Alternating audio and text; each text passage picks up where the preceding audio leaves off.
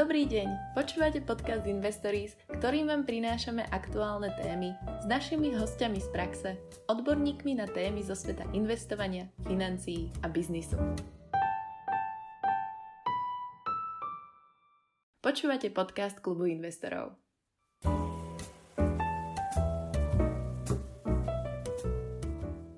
Keď má firma po ruke peniaze navyše, má niekoľko možností, ako s nimi narábať. Môže na nich sedieť, reinvestovať ich do podnikania alebo vyplácať akcionárom prostredníctvom dividend. Ďalší zo spôsobov, ktorému sa budeme dnes bližšie venovať, je spätné odkúpenie vlastných akcií. Ako tzv. buyback ovplyvňuje hodnotu akcie spoločnosti a aký dopad má na investorov? Na tieto a ďalšie otázky nám bude odpovedať náš dnešný host, pán Silver Zuskin, Finance Director a EMEA Treasurer spoločnosti Dell Technologies. Moje meno je Zuzana Repková a budem vás prevádzať touto epizódou podcastu Investories. Prajem príjemné počúvanie. V mene klubu investorov by som ťa rada medzi nami privítala, Silver. E, ďakujem za pozvanie. Mohol by si sa nám ešte bližšie predstaviť, aby naši posluchači sa mohli o tebe dozvedieť viac? E, jasné, tak ako si spomínala, moje meno je Silver Luskin. Troška nezvyčajné meno, možno pre trežerera dobré. E, som, ako si hovorila, z Delu. E, som tu 16 rokov v podstate a mám na srosti EMEU región, ako je Europe, Middle East, Afrika, čo je v podstate okolo 40 plus krajín. A snažím sa teda pokrývať všetky trežery oblasti v tomto regióne. No, tak rovno sa môžeme pustiť do našej témy. Na úvod by sme si mohli vysvetliť termín buyback. Čo tento výraz znamená? Mohol by si nám ho vysvetliť úplne do detajlov bližšie? Dobre, skúsim. Nezaoberám sa síce s tým napriamo, ale, ale, ale, ale nie blízko som tým, že som z treasury. Takže mm, je to súčasť nejakej, nejakého rozhodovania o capital allocation. Hej. Firma má kapitál, ktorý chce, ktorý má možnosť minúť, ktorý vzniká prechádzajúcou ekonomickou činnosťou.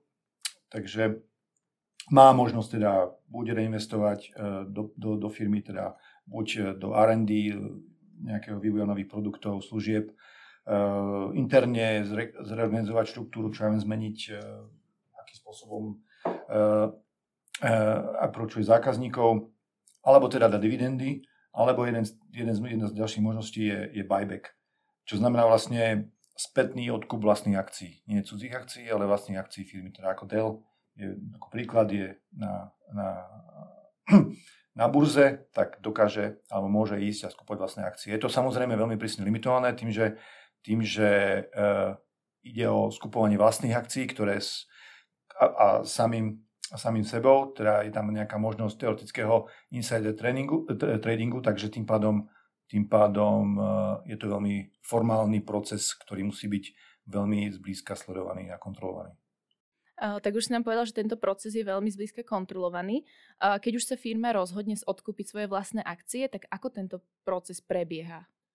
No, tak zvyčajne je to e, najprv na rozhodnutie boardu, hej, akú sumu alokujú.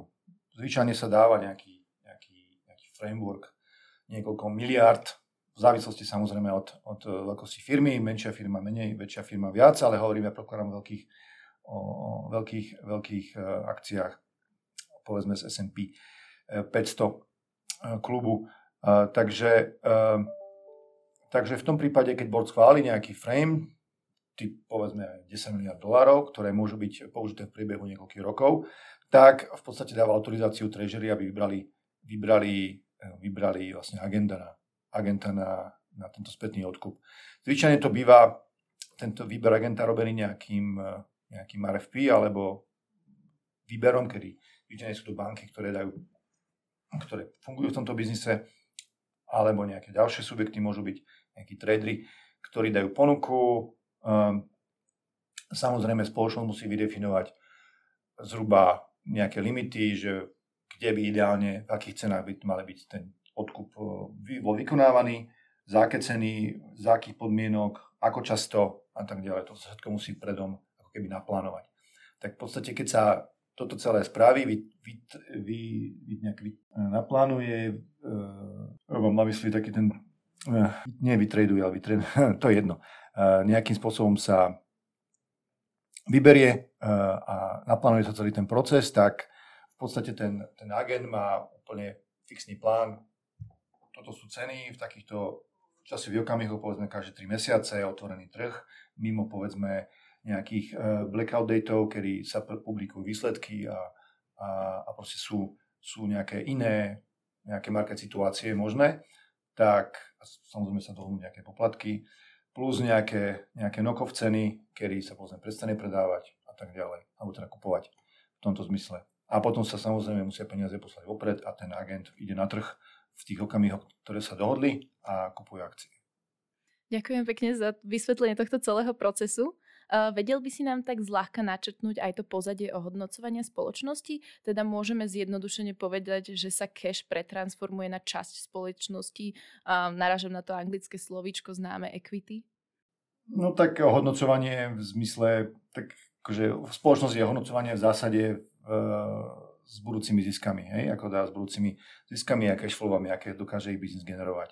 No a na základe toho sa podľa rôznych metrik metrik a potom teda hard metric, napríklad uh, price earnings, uh, aký cash flow z toho, aký cash flow dokáže firma vygenerovať, tak sa, tak sa na to pozerajú investori a nejakým spôsobom si to zaraďujú a keď dajú dokopy povedzme s nejakými tými soft dátami, čo sa týka povedzme, máme, trend, máme um, credit rating, aký má trend, máme tu biznis, v akom spoločnosť funguje, je to biznis, ktorý povedzme má veľký upside, čo týka do budúcnosti, má firma technológie, alebo je to nejaký sunsetting business, ktorý vieme, že nebude fungovať do budúcnosti, lebo e, zákazníci menia svoje, svoje nákupné nejaké vzory a, a v budúcnosti je nepravdepodobné, povedzme, že ja neviem, ja neviem, dieselové motory, čo ja viem.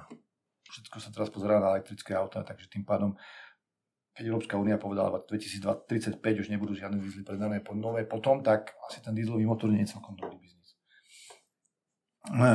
takže, takže e, sa nejakým spôsobom ohodnotí tá, tá spoločnosť. Samozrejme teraz ešte súčasne neviem, nechať uísť tie úrokové miery. Samozrejme tým, že sú vyššie, tak e, sa, tak sa tým viac diskontujú tie budúce zisky. Hej.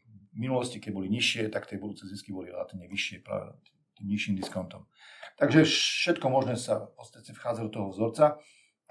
A, a, ale ten cash, Cash, ako je tu spomenuté, je naozaj výrazná časť, ktorá nejakým spôsobom ten net income a, a vlastne voľný kapitál po, po, po všetkých tých daniach a depresiácii je k dispozícii spoločnosti na rozdelenie. Hej? A môže teda s ním narábať, ako sme sa rozprávali minule. Uh, môže dať teda dividendy, môže investovať, môže kupovať späť vlastné akcie. Ďakujem. Uh, tak v podstate to, čo asi najviac zaujíma investorov, alebo teda tých retailových investorov, čo je asi väčšina našich poslucháčov, uh, tak by som sa spýtala, ako ovplyvňuje buyback hodnotu akcií na trhu. Môj osobný názor je, že málo. Je málo, pretože uh, teoreticky by vlastne buyback mal tým, že spoločnosť vytvára, kupuje vlastné akcie, vytvára ďalší dopyt po akciách vlastných na trhu, tak teoreticky by tá cena akcií mohla ísť, mala ísť vyššie. Ale nie vždy sa to tak deje práve povedzme, stiahneme to na dnešné časy, kedy je tu x externých faktorov, ktoré neuveriteľným spôsobom vplývajú na, na, celú, na celý trh, hej? teda tým pádom aj na jednotlivú spoločnosť. Či už sa pozrieme na Ukrajinu, ukrajinsko-ruský konflikt, na ceny plynu ropy s tým spojené a rôzne ďalšie tie ekonomické uh, otrasy, ktoré s tým vznikajú. Takže uh, tá cena akcií ako takých je volatilná. Hej? Ešte tu máme nejaké politické tlaky, uh, voľby, nedávne midterm voľby boli v US, budú zase prezidentské rok, noví kandidáti, alebo teda súčasní kandidáti, Trump sa vráti, cez vrátiť späť a podobne. Takže, takže tých faktorov je strašne veľa na to, aby jediný faktor, ktorý bude len dopyt po akciách, vlastných akciách, vlastných akciách a tým pádom hm, nejaký tlak na zvýšenie ceny je pravdepodobne málo na to, aby to dlhodobo vydržalo.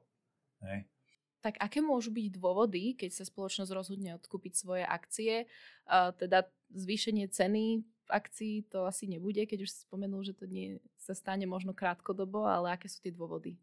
Tak zvýšenie ceny to je oficiálny dôvod, samozrejme, lebo uh, share buyback je v podstate um, nejaké, je to vracanie, je to spôsob, ako vrátiť investorom ich peniaze. Nebude to priamým spôsobom ako dividendy, kedy firma vyhlási dividendy a dostane každý investor, ktorý má vlastní, vlastní akciu na účet nejakú čiastku, nejaké percento, ale je to nepriamy spôsob práve cez tú zvýšenú cenu akcií, ktoré potom investor môže odpredať za vyššiu cenu, ako ich predtým získal a realizovať nejaký profit. Ide vždy o dobrovoľný krok z spoločnosti v zmysle, že toto rozhodnutie spraví sama, alebo tlačajú do toho aj nejaké externé vplyvy? Um, je to v zásade iba externý vplyv, podľa mňa, pretože sú to, je to tlak od investorov. Investori majú nejak, samozrejme chcú realizovať profit z vlastníctva akcií. Tým pádom, tým pádom tlačia na spoločnosť, aby nejakým spôsobom tie peniaze vyplácala. Či to už bude... E, zásadne je to samozrejme rozdiel v tom, že pre aký spôsob sa rozhodne lepšie.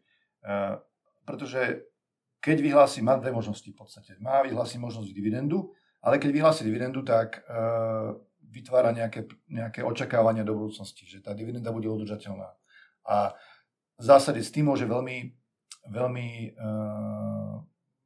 ovplyvniť aj budúcu cenu akcií, pretože ak nedokáže a nie si istá, že tú dividendu dokáže vyplácať v nejakej očakávanej výške a od ideálne z nejak, nejakej zostupnej trajektórii, čo týka sumy alebo percenta, tak, tak v podstate môže očakávať ne, ne, vplyv na cenu akcií, pretože investori, samozrejme tu aj nejaký druh investorov, ktorí investujú do, do dividendových, dividend yielding uh, equities, sú troška iní ako tí, ktorí investujú iba kvôli cene. Máte rôznych máte rôznych, rôznych druhých investorov, či sú od hedžových fondov, ktorí investujú krátkodobo, do nejakých dlhodobých investorov ako pension fondy, ktoré, ktorým v zásade ide hlavne o dividend stream. Hej? Takže keď máte, nemáte dividend stream, tak sa nekvalifikujete k tým investorom. Nejak k tým, k tým akciám, ktoré môžu oni kupovať. No a share buyback zase je úplne voľné. Uh, share buyback vlastne uh, je na, úplne na, na rozhodnutí spoločnosti, či, či bude chcieť pokračovať share buybacku alebo nie ale zvyčajne je tu naozaj externý tlak, kedy investori čakajú od, od, od firmy, že nejakým spôsobom pomôže ceny akcií a oni potom môžu realizovať, realizovať profit. Takže je to v podstate dobrý signál pre investorov, keď firma odkupuje vlastné akcie, alebo práve, že je to naopak, pretože ja už iba zo vlastnej skúsenosti som si všimla, že keď nejaká firma odkupuje akcie, tak sú ľudia, ktorí potom skočia alebo považujú to za niečo veľmi pozitívne, že firma investuje takto sama do seba alebo nejak takto to vnímajú. Tak ako to je? Ja si myslím, že, že je to dobrý signál, pretože v zásade dobrý, pretože hovorí to niečo o ekonomickej sile firmy. Firma firma má dostatok zdrojov na to, aby teda ideálne investovala do seba, do produktov R&D a zároveň dala späť akcionárom. A, a samozrejme by nebolo, nebolo by to úplne ekonomicky ako nejaké, nejaké uh, nedala by sa asi sa, samostatne do rizika, netlačila, pretože by povedzme mala nejaké cashflow problémy a z toho dôvodu by nemohla povedzme alokovať peniaze na share. Takže hovorí to o nejakej, dáva to nejaký high level signál o, tej, o, tej, o tom nejakej, nejakej zdravej firme. Má to nejaké aj negatívne konotácie, o tom sa možno budeme rozprávať neskôr. Uh, tak ako môžu investori rozumieť tomuto kroku, respektíve ako sa majú správať, keď sa takéto niečo stane, alebo ako sa s väčšinou zvyknú správať investori, čo môžeme vidieť na trhu, ako menia svoje správanie. Začnú predávať tú akciu, začnú ju nakupovať, začnú ju shortovať, alebo ja myslím, že väčšinou by mali začať nakupovať v zásade, um, ale samozrejme by sa mali rozhodovať aj podľa toho, ako sa tá cena akcií dlhodobo, dlhodobo nejak hýbe na trhu. Ako som vravel, treba brať do súvislosti aj tie ostatné fakty, ktoré s tým investičným rozhodovaním súvisia. Keď si človek dáva nejaký, dokopy nejaký shortlist investícií, tak by mal pozrieť na to naozaj, akom je, v akom je nejakom sektore trhu, aký má biznis, aký bol trade rating, akú má expozíciu voči povedzme niektorým krajinám, čo ja viem, veľa v Rusku, v Číne, alebo niečo podobné, aká časť biznisu pochádza odkiaľ, aká časť je stabilná, ktorá je z nových produktov. Je to niečo, je to niečo čo, čo, čo, čo tu bolo stále a v podstate je to, neviem, anticyklikál alebo procyklikál podľa toho, ako v akom ekonomickom období, či už konjunktúra alebo recesia je teraz, je teraz to rozhodovanie sa deje. Takže, takže share buyback môže byť e, akože v zásade dobrý signál a investori ju vnímajú veľmi pozitívne ako, ako aktivitu firmy, ale môže byť zároveň aj signál toho, že firma nemusí vedieť úplne čo s peniazmi a kam ich dať, takže ich radšej dá akcionárom bez toho, aby možno sa snažila vyvinúť niečo zmysluplnejšie a investovať do, do neho interne. Ďakujem. A v podstate mohli by sme si uvieť aj nejaké príklady, aby táto téma nebola úplne abstraktná. Napríklad uh, za, ten, uh, za tento rok uh, Apple Meta, Nike odkúpili vlastné akcie. Môžeme si uviezť aj nejaké tie hodnoty. Uh, hodnota buybacku uh, Apple bola 90 miliard, čo predstavuje 3,5% akcií tejto spoločnosti. Pre Metu to bolo 44 miliard dolárov, čo predstavuje 6% akcií tejto spoločnosti. Pre Nike to bolo 11% uh, ich akcií za 18 miliard dolárov. Uh, taktiež AT&T už viackrát odkupovala svoje akcie, takže to naozaj robia veľké spoločnosti, ktoré všetci poznáme. A taktiež tieto veľké spoločnosti samozrejme zamestnávajú veľa ľudí. Tak by som sa rada spýtala, že ako to možno aj ovplyvňuje tých zamestnancov v týchto firmách, keď sa firma rozhodne odkúpiť svoje akcie, že či sú tam nejaké možné dopady alebo nie. No, čo sa týka Apple, Mety, samozrejme tieto firmy sú extrémne cash rich sedia na obrovských kopách peňazí a je to logické, že nejakú časť týchto, tohto cachu alokujú.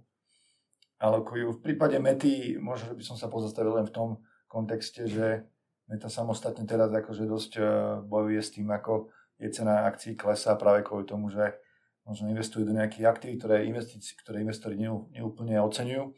Takže share buyback môže byť určitý spôsob, ako ich nejakým spôsobom uistiť, alebo nechať si ich interne zdôvodniť si vlastníctvom mety, akcií, aby ich nepredávali. Aj keď sme teda videli, že tá meta v podstate dosť, dosť klesla v poslednom čase. Uh, práve myslím, že kvôli metaverz investíciám a podobným veciam. Takže keď pokiaľ má firma veľa peniazí ako Apple, že ich reálne nemôže ani minúť, tak akože je to logická vec. Uh, čas dividendy, čas, čas, sú, čas sú share buybacky čo týka zamestnancov, ja si myslím, že ten vzťah není úplne priamy, lebo, alebo teda priamy. Týka sa ich iba absolútne iba v tom prípade, keď sú investori vlastnej spoločnosti, ako povedzme, môžu byť um, trebárs uh, vo veľkých firmách a týka sa to väčšinou iba vedúcich zamestnancov, máte, máte nejaké restricted stock units, hej, share options, kedy je to súčasť kompenzácie, dostávate akcie firmy, firmy ktoré vestujú v nejakých časových obdobiach a, a Samozrejme, v ich, v ich záujme je, aby tá cena akcií rastla, lebo v tom prípade, keď ich teda dostanú k dispozícii na predaj, tak môžu ich realizovať za cenu vyššiu, ako ich pôvodne dostali. Takže iba v tomto prípade, ale čo sa týka radových zamestnancov, ktorí nevlastnia, a ešte môžeme mať samozrejme investorov, ktorí investovali z vlastného, z vlastného rozhodnutia, treba do akcií Delu, kúpili si ich, lebo veria Delu, a že to je firma, ktorá bude rásť a zhodnocovať sa tá investícia bude na ich strane. Takže, ale pokiaľ nevlastnia žiadne akcie, žiadne akcie spoločnosti, tak nevidím žiadny spôsob, prečo by, prečo by a ako by ich to ich reálne mohlo napriamo ovplyvniť. Ďakujem pekne. Ešte by som mala takú otázku v podstate k USA. Odporcom tejto metódy je súčasný prezident Spojených štátov Joe, Joe Biden ktorý na buyback navrhuje obmedzenia. Podľa jeho slov sa týmto spôsobom obmedzuje rast a inovácie. Uh, ako to vnímaš ty, alebo sú tam nejaké konkrétne nevýhody v buybacku? Ja by som to naozaj spojil s tým, že je to o tom rozhodnutí, fir- ako firmy dokážu použiť svoje peniaze. Samozrejme, keď ich nedokáže použiť a ten, ten buyback do určitej miery signalizuje, že ich, ich nechcú použiť na, na interný rozvoj a inovácie, lebo ako vieme, inovácie sú základ budúcej prosperity. Hej, a e, pokiaľ sa inovácie robia, alebo teda investície do inovácií robia, robia dobrým spôsobom, tak tá firma si založí, založí dlhodobú dobrú perspektívu. Za predpokladu samozrejme toho že, toho, že investujú do správnych oblastí. Takže vidím úplne akože jasný nejaké, nejaké spojenie e, alebo nejakú myšlienku, ktorú má Joe Biden na, na, na, na rozume, alebo teda čo chce povedať je to, že vlastne keď firmy neinvestujú tak vlastne e, neinvestujú a radšej rozdávajú, respektíve kúpujú vlastné akcie, ktoré nemá úplne priamy ekonomický nejaký efekt mimo toho teoretického zhodnotenia investícií jednotlivých investorov a, a tým pádom neposúvajú krajinu alebo svet niekam ďalej, tak e, sú to do istej miery peniaze vyhodené von oknom, ktoré by mohli plniť možno o mnoho lepší účel. Povedzme, či už na zlepšenie kvality života iných ľudí, pretože sa vyvinú produkty a, a, a, a služby, ktoré, ktoré môžu, môžu povedzme, ja neviem, skrátiť čas, ako sa znova vrátiť do vesmíru, prísť na mesiac, kolonizovať Mars, čo ja viem, aké rôzne veci môžu byť, môžu byť, e, na ktoré peniaze môžu byť použité. Že ten share buyback je v podstate, v podstate niečo, ten, ten, tá výhoda je relatívne nejasná, mimo toho, že je to očakávanie od investorov. Čo by si radšej ty prijal na akcie, ktoré možno ty vlastníš? Dividendy alebo buyback? Som radšej prijal dividendy samozrejme, lebo je to nejakým spôsobom predikovateľné, ale zároveň som v treasury, hej, takže viem si predstaviť, že a ešte keď sa pozriem späť na Dell, sa teda vrátim k Dellu, tak Dell prešiel uh, nejakým veľmi turbulentným vývojom od roku 2013, kedy šiel private, potom zase bola tu veľká akvizícia, najväčšia technologická akvizícia za nejaký za doterajšie obdobie a potom zase je public. Takže to, to malo nejaký vplyv na to, akým spôsobom sa vyvíjala povedzme disponibilná likvidita, aký kapitál mohol devalovať, s akými prioritami mohol, mohol fungovať. Takže, uh, takže viem si aj predstaviť tie obmedzenia, ktoré z treasury perspektívy dávajú, alebo teda uh, možno, že formujú tie rozhodnutia okolo, okolo buybacku. Hej? Lebo firma chce, a keď nemám vždy možnosť práve v týchto časoch turbulentných, nemá vždy možnosť sa komitnúť k dividende, tak ten buyback je next best, next, next best option. Hej? A, a, a dáva, dáva určite spôsob, akým sa, tie, sa dokáže firma komunikovať voči investorom, prilákať investorov. Možno koľko percentný buyback z celkového množstva akcií na burze je taký, že už naozaj obrovský? No, to ťažko povedať. To naozaj závisí od disponibilných, disponibilných mm. zdrojov. Hej. A predpokladám, no tak vy, vidíte tiež Apple, neviem, akcia už sa neviem koľkokrát e, delila na X, stále majú vyše 100 miliard dolárov, neviem, či už viac, dokonca 200 dolárov kopu peniazy, na ktoré sedia, tak už musia s nimi niečo spraviť, niekam ich dať. Dobre. Uh, ďakujem veľmi pekne za všetky tvoje odpovede. Týmto by som dnešnú epizódu ukončila. V mene klubu investorov ti ďakujem, Silver, že si prijal pozvanie do nášho podcastu Investories. Dúfame, že ti tento rozhovor spríjemnil deň a tešíme sa na prípadne ďalšiu epizódu s tebou v budúcnosti. Určite ďakujeme aj za pozvanie. Ďakujeme za počúvanie nášho podcastu. Veríme, že sa vám dnešná epizóda páčila a zostaňte s nami v spojení na našich sociálnych sieťach Facebook, Instagram, LinkedIn a YouTube, kde vás informujeme o našich ďalších epizódach a ostatných formách vzdelávania klubu investorov. Prajeme pekný deň.